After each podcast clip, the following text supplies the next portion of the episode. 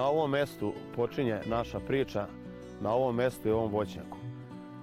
Počela je neke 2006. godine kupovinom dole bagrenjaka i parcele pored, sadnjom nekih 300 stabala da bi na kraju se dosadilo vrlo brzo i ovo i krenulo se u dalje sadnju. Pre ove sadnje ovoga voćnjaka, pre 2006. godine mi smo se bavili nekim ratarstvom intenzivnim. Međutim, pošto smo imali malo zemlju za to ratarstvo, pošto je krenula ekspanzija sadnje voćnjaka, mi smo isto se uključili to. I eto što kažu do današnjega dana, za ovih desetak godina mi smo dogurali na neki, na neki desetak hektara voća. Prvo smo krenuli sa sadnjom kruške neka dva hektara, malo ozbiljnije te proizvodnje. Uglavnom je sortiment Viljamovka, E, Moratinijeva rana koja je bila u samom početku. I što se pokazalo jako dobro, mislim stvarno su bile dobre godine iz početka i lepo se moglo ovaj, zarađivati i raditi. A, ovaj, I onda smo kasnije nastavili i dalje sadnju voćnjaka, gdje da smo sad već stali nekih desetak hektara. Odlučio sam da se vratim na selo pre, neke, pre nekih godinu do dve dana, da bih pomogao roditeljima a iz, iz nekih mnogo drugih razloga. Po meni lično na selu je mnogo, mnogo bolje za život, mnogo je kvalitetniji život, zdravije, a i sami vidite ovu slobodu i, i, i ovu opuštenost i, i sve što donosi s tim. E, kao što sam rekao, ovo je taj neki početak, a prošetat ćemo se da vidite otprilike kako je teko dalje tog sadnje. Na ovom mjestu konkretno neka površina je od jedno 6-7 hektara. U planu su dalje sadnje, nešto je bilo i vađenja zbog menjanja sortimenta i tako dalje. Uglavnom, veliki su planovi za budućnost, pošto smo prepoznali perspektivu. Roditelji su to počeli, ja želim da nastavim jednostavno, najprostije rečeno, nekako se lakše diše kad si svoj na svome. Ovo je zasad jabuke u kojem su zastupljene tri neke standardne sorte. Granny Smith, zlatni i crveni deli e, Dominira crveni, pošto je, shvatili smo kroz ove godine bavljena voćarstvom, da su crvenije sorte, veća je potražnja za njima. E, šta bih rekao, osvrnuo bi se malo na taj neki opet početak. E, kroz svoj neki život i kroz neka kretanja, e, mnogi kažu lako je tebi, ti imaš ovo, imaš ono, ne razmišljaš ni o čemu. Ja im samo kažem da nije lako, da je ovo sve što je trenutno iza nas i što imamo, da je jako, jako puno ulaganja. Podizanje voćnjaka, sadnja voćnja su ogromna ulaganja. Hoću da kažem, i, i, i ne, ljudima koji budu ovo gledali, ako se odluče za ovo, po meni podržavam i treba da se odluče. Ali da ne klonu duhom na nekoj prvoj prepreci i na nekom prvom, prvom što kažu padu, zato što svi poslovi imaju padova. Početak, kao i svaki početak, bio je jako težak. Prvi sadni materijal smo kupili što kaže tako, ovaj, od, od ovih prođarsadnog materijala. Međutim, kad je to došlo, do, došlo do, do, do, do prvoga roda, videli smo da to nije to. Pa kasnije za nove zasade smo odlučili sami da proizvedemo sadni materijal koji smo, što kažu, uredno registrovali, e, napravili neku firmicu koja je se bavila proizvodnjom tog sadnog materijala, čak smo u, i uvozili ovaj, kalem granu za kalemljenje iz Holandije, kupovali licencu za pojedine sorte i tako je to taj početak bio naš. Što, što, što, što, bi, što, što smo i dalje nastavili sa tom proizvodnjom sadnog materijala, sami za sebe proizvodimo sadni materijal za našu sadnju, nešto se i prodaje i tako. Kada pričamo o ulaganju, hoću da kažem da je sve ovo otprilike uloženo nekim ličnim sredstvima, a dobar, odnosno najveći deo je uložen putem kredita. E, tu bih posebno u neku ruku pohvalio pokrajinu i pokrajinske fondove koji daju kredite, a ti krediti su za nas najpovoljniji jer se radi o kamati od 1,5 do 2%. Takođe, napomenuo bih i posebno pohvalio pokrajinski sekretarijat za poljoprivredu, pošto od njih smo stvarno, stvarno jako, jako puno dobili bespovratnih sredstava, subvencija takođe, dobili smo i od Ministarstva poljoprivrede. E, od sekretarijata smo dobili recimo za sadni materijal, e, za, za protivgradnu mrežu, e, opremanje za navodnjavanje, laterale ove što ovde vidimo. Ovaj posao zahteva konstantna ulaganja, počeo od mehanizacije, priključne, pogonske, obrade, svega, svega, svega. I ovom prilikom bi poručio da samo nastave tako. I naravno, ima tu uvek nekih peripetija i oko uslova, oko bilo čega. Treba, mladom čoveku treba pomoći, mlad čovek želi da radi, pogotovo ljudi koji su na selu, koji su odrasli na selu.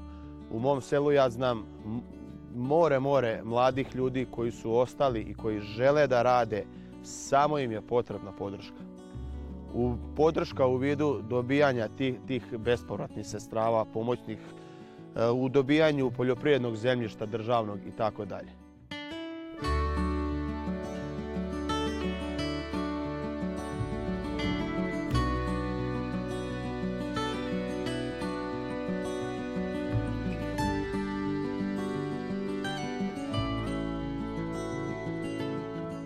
Iskoristit ću ovu priliku da pored stvari, pored stvari s kojima se mi bavimo na selu, voćarstva, poljoprivrede, pomenem i neke lepe stvari. Jedna od lepih stvari je upravo ovo jezero koje se nalazi iza mene. Jezero se zove Bruje. Takođe u Erdeviku postoje još dva jezera, Moharač, jedno Bingulsko. U nastavku ovog jezera koji je i izvor, odakle se ovo jezero, jezero akumulira, je izvor banja koje datira još iz rimskog perioda.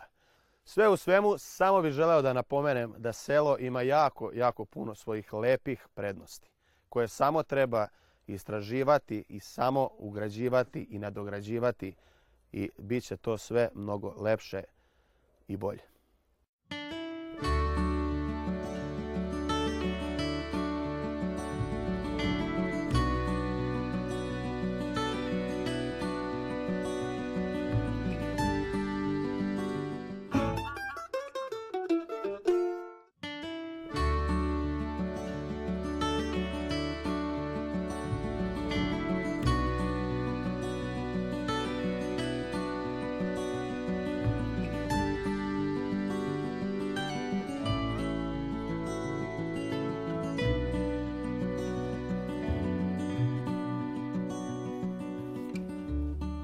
Ovu kuću koja je bukvalno preko puta naše porodične, roditelji su kupili pre neke dve godine kako bi proširili te neke naše, nazovimo, smeštajne kapacitete.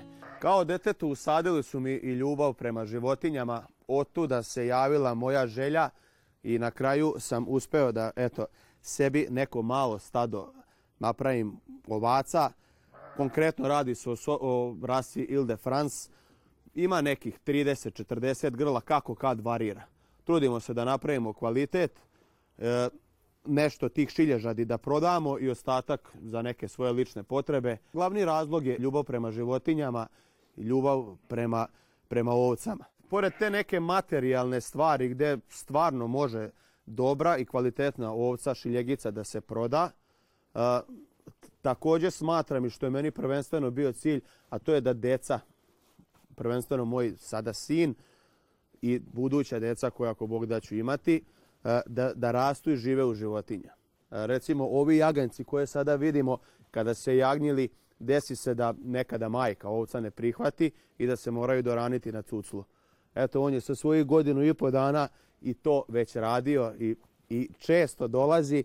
Te, ti jaganci koji su odrane na cuclu, oni su bukvalno kao pas i verni su i kad, kad god se on pojavi oni odmah dotrče tu dođu i to mislim da je to da, da to ne može nigde da se da se nadomesti taj neki odnos i, ta, i to, to, taj rast deteta u, u ovakvim nekim uslovima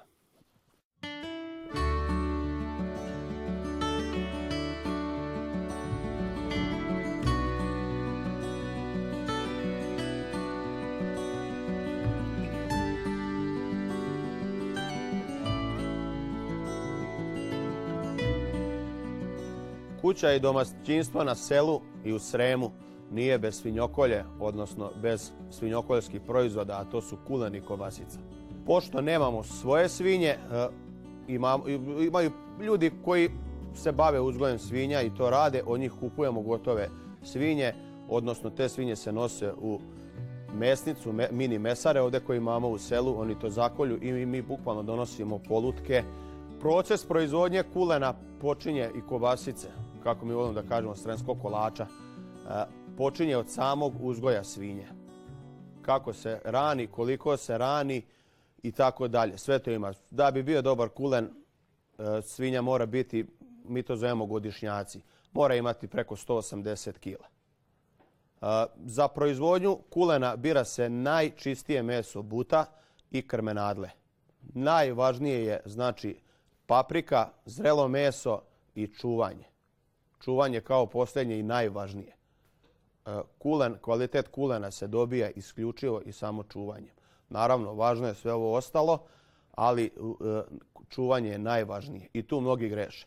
Postoje mnogi kuleni i svi pripisuju sebi nešto. Pravi autohtoni kulen je sremski kulen, ja volim da kažem slavonsko-sremski. Kad smo pomešali Slavoniju i Srem, dobili smo najbolji kulen na svetu.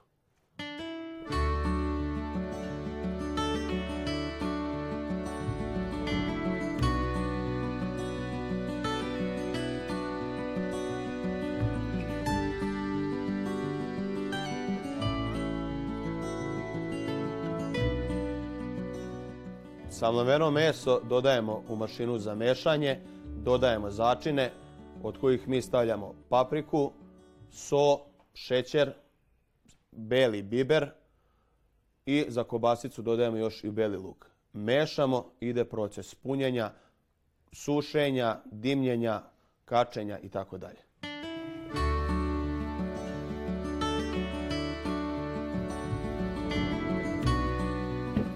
u punilicu ili top umešano meso, sad sve zavisi dalje kulen ili kobasica, dodajemo. Kod punjenja najvažnije je da se istera taj vazduh da bi se kasnije lepše punilo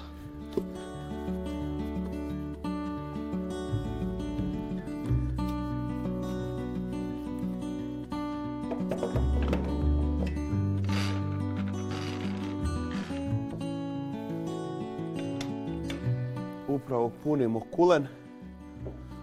Kulen se puni najčešće u takozvanu katu, slepo svinsko crevo, a može da se puni i u debelo crevo, mi to zovemo kulenova seka.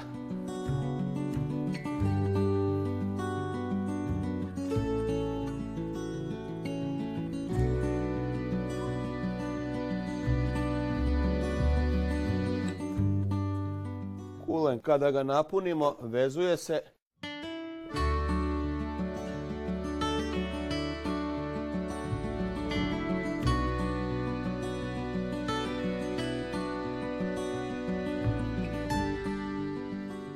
idemo prema vešeraju, sušilici kako mi kažemo.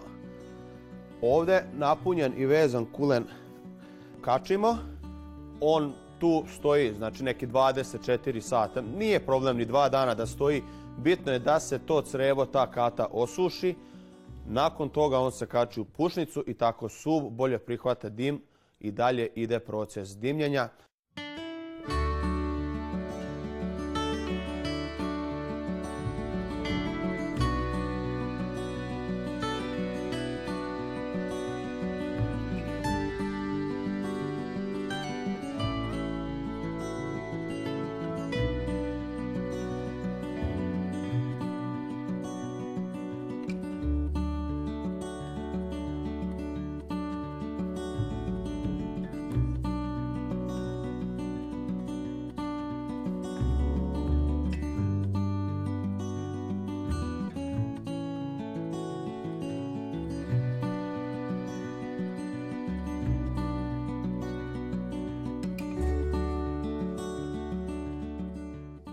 Došao je red i na mast čvarke.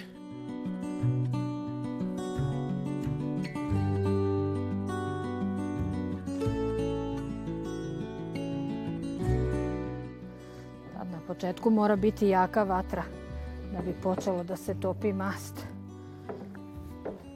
I mora se stalno mešati. To je najvažnije u topljenju masti. Kad malo počne da se topi mast, onda se stavi mleko da bi čvarci bili lepši, hrskaviji i ukusniji.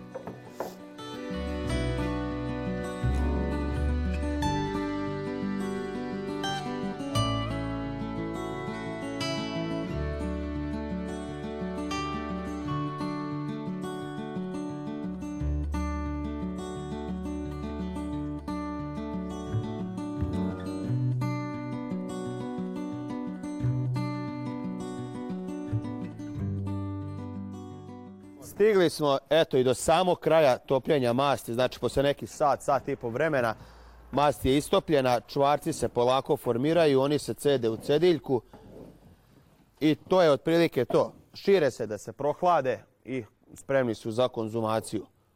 Ne preporučuju se u velikim količinama tako sveži.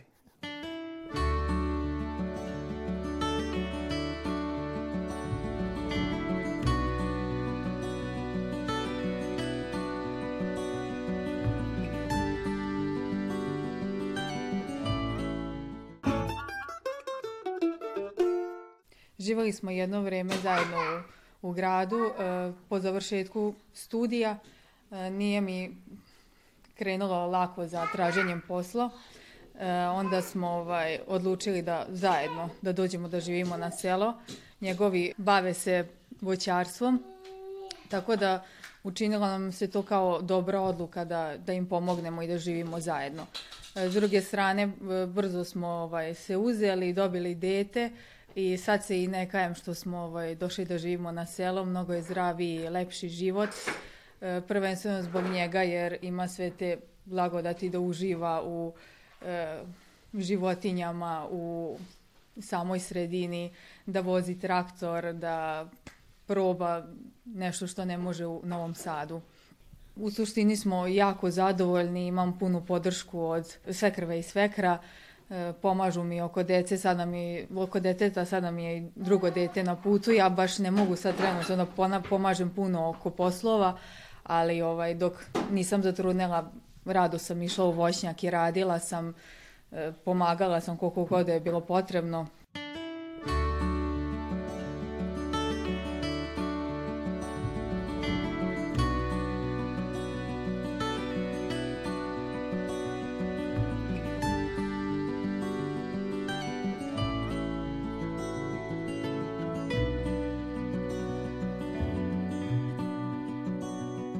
odluku da se vrate na selo, e, naša deca kada su donela i kada su nam saopštila, mi smo podržali naravno.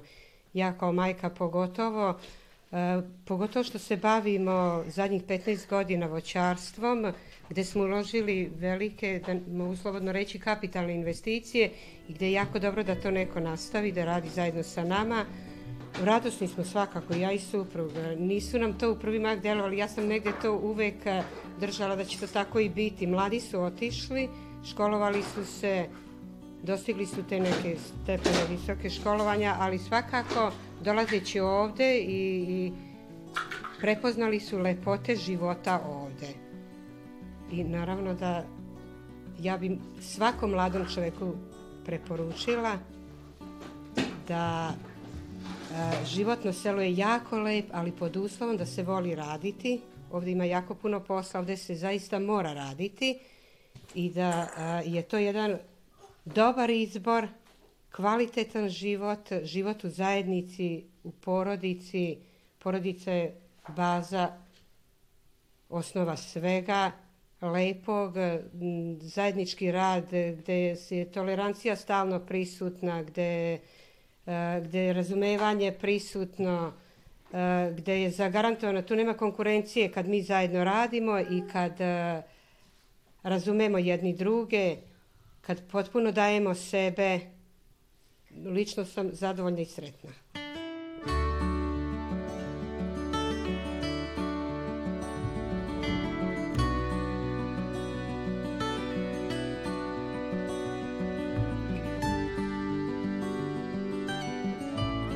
ja imam u planu i dalje da širim te voćnjake. Čak što kažu u planu i ove godine neka sadnja, ali to je sve što kažu uslov, uslov jedan da, da oni to prihvate taj posao. Ali ja više sebi ne bi ovaj, što kažu, zbog mene širio, proširio ovaj, sad svi je to dovoljno ti nekih desetak hektara, a pošto i oni primećujem da ih zanima to, da, da, da, da, da, da hoće da rade taj posao, pa ćemo zajedničkim snagama da idemo dalje. A što se tiče ovaj, ovi mladi sa sela, pa tu je problem jako velik na selu. Pogotovo sva mlada radna snaga je otišla gore. Slovačka, Nemačka, Hrvatska, a ja mislim re, realno da i ovde ima sreće za njih sve. Jer imaju i male površine zemlje, mogu jako velike prihode da, da, da danas daju ali samo znači treba raditi i da budeš aktivan na tome.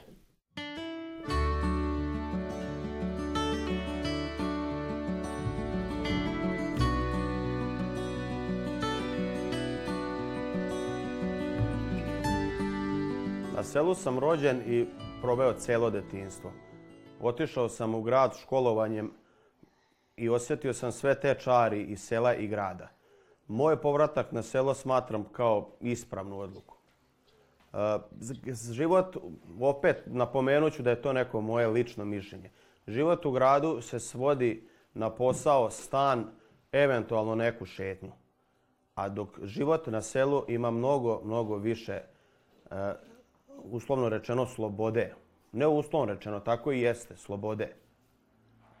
Sam si, na svom si uh, i živiš život punim plućima. Kada ustane, ustaje se lakše. Po meni, to je opet, napominjem neko moje lično mišljenje. Jednostavno se osjećaš ispunjenije, punije. E, neću nikog ni da omalovažavam, ni podoštavam, ali život u gradu bukvalno se svodio posao, dođeš sa posla, uđeš u stan, e, uvek si željan tog nekog odmora i to se svodi na spavanje i na posao. Dok e, život na selu je pun aktivnosti.